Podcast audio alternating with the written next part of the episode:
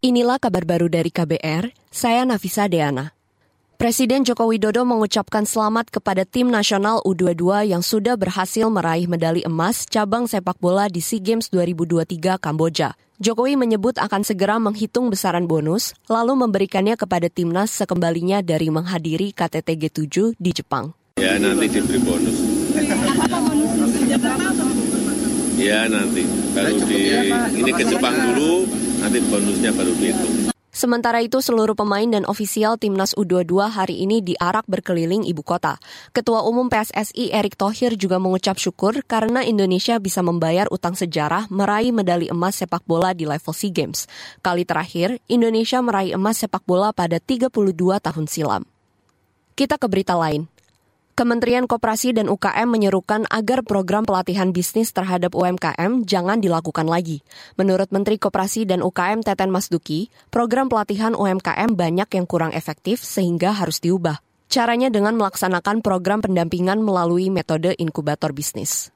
Nah, jadi nanti pendekatan inkubasi itu uh, menurut saya uh, ya seperti menetaskan telur lah Ya, jadi harus dipilih dulu telurnya yang uh, baik, yang fertil, ya, dierami dan dibesarkan.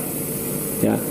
Nah sekarang ini hanya dilatih, dilatih, udah dilepas begitu. Nah pendekatan itu udah keliru lah berpuluh-puluh tahun jangan dilakukan lagi. Itu kita membohongi diri sendiri itu. Menteri Koperasi dan UKM Teten Masduki juga mengkritik kurang inovatifnya jenis usaha yang digeluti UMKM. Kebanyakan UMKM disebut hanya menggeluti jenis usaha kuliner saja.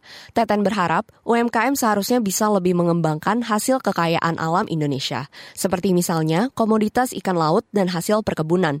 Hari ini Menteri Koperasi dan UKM Teten Masduki meresmikan program pendampingan mikro mandiri 2023. Sebanyak 300 pengusaha mikro mendapat pendampingan bisnis selama selama enam bulan dari kementerian, dinas, dan perguruan tinggi terkait. Kita ke lantai bursa. Nilai tukar atau kurs rupiah terpuruk melawan dolar Amerika hari ini. Mata uang Garuda ditutup di posisi 14.920 rupiah per dolar Amerika atau melemah 0,40 persen. Posisi ini menjadi yang terendah sejak 3 April lalu. Rupiah juga tidak pernah menguat dalam lima hari perdagangan dan masih berlanjut hari ini. Dalam sepekan rupiah melemah 1,18 persen. Artinya, rupiah sudah melemah dalam tiga pekan beruntun. Sementara itu, indeks harga saham gabungan atau IHSG ditutup menguat 35,09 poin atau 0,53 persen ke level 6.698,2 pada akhir perdagangan hari ini. Sebagian besar sektor saham yang menghijau dan menjadi penopang IHSG bertahan di zona hijau. Sektor properti termasuk yang naik paling tajam. Demikian kabar baru dari KBR, saya Nafisa Deana.